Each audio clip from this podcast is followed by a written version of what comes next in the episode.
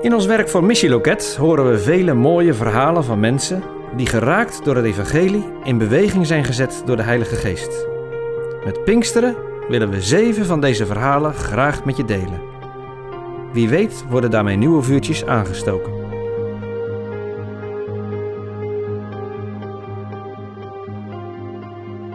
De wind waait waarheen hij wil.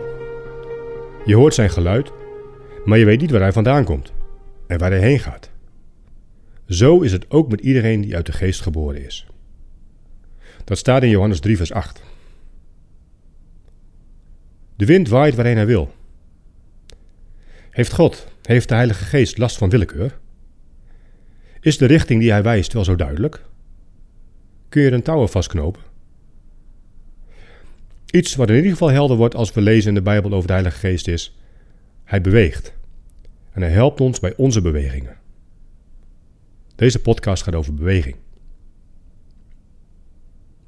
In mijn ontdekkingsreis van luisteren naar Gods stem kwam ik erachter dat willekeur een woord is dat eerder bij mij paste en bij mijn eigen houding.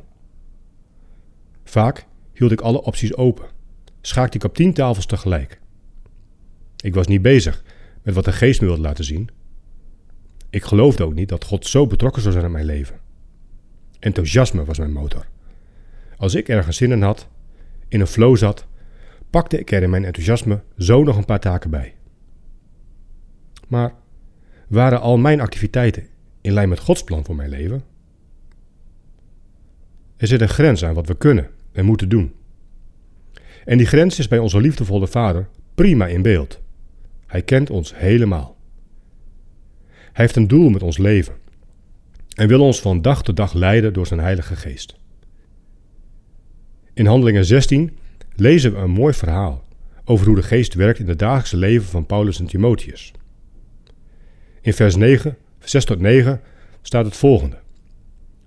Ze trokken door Frigië en Galatië, omdat ze door de Heilige Geest werden verhinderd Gods woord in Azië te verkondigen. Toen ze bij de grens van Mysië kwamen, wilden ze doorreizen naar Bithynië. Maar dat stond de geest van Jezus hun niet toe. Daarom trokken ze door Mysië tot ze de kustplaats Troas bereikten. Daar kreeg Paulus s'nachts een visioen, waarin een man uit Macedonië hem toeriep: Steek over naar Macedonië en kom ons te hulp. Na een paar gesloten deuren wordt het uiteindelijk Macedonië waar de focus op mag komen te liggen. Streken vol steden en dorpen en mensen laten ze links liggen om zich uiteindelijk te concentreren op Macedonië. Waar begint dit verhaal mee? Beweging. Paulus en Timotheus waren op weg. En al bewegend letten ze op de richting die de geest wees. Al reizend hadden ze onderweg verbinding met de Vader door de Heilige Geest. Ook Jezus stuurde mensen twee en twee uit. Ze gingen op weg en ze gingen iets anders doen dan wat ze normaal gesproken deden. Ik had soms de neiging om te gaan zitten wachten tot God sprak, maar leerde dat de Heilige Geest richting geeft, juist als ik in beweging ben, op nieuwe plekken kom. Zo ben ik me dit jaar aan het bewegen in mijn wijk. Heb ik contacten gelegd met een sociale wijkteam, met een theaterclub en kom ik op bijeenkomsten met allemaal mensen die ik nog nooit eerder heb ontmoet. En daarbij dan openstaan voor de richting die de geest wijst. Dat heeft al veel mooie en verdiepende ontmoetingen opgeleverd. Ben ik in beweging? Valt het me op als er een deur gesloten is? Welke richting wijst de geest mij? Pieter Messelink schreef deze podcast. Pieter werkt voor Kerkpunt en is actief betrokken bij de buurtkamer in de wijk Holtebroek in Zwolle.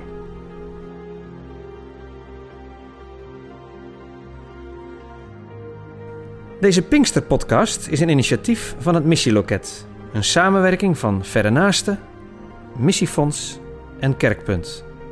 Meer informatie vind je op missieloket.nl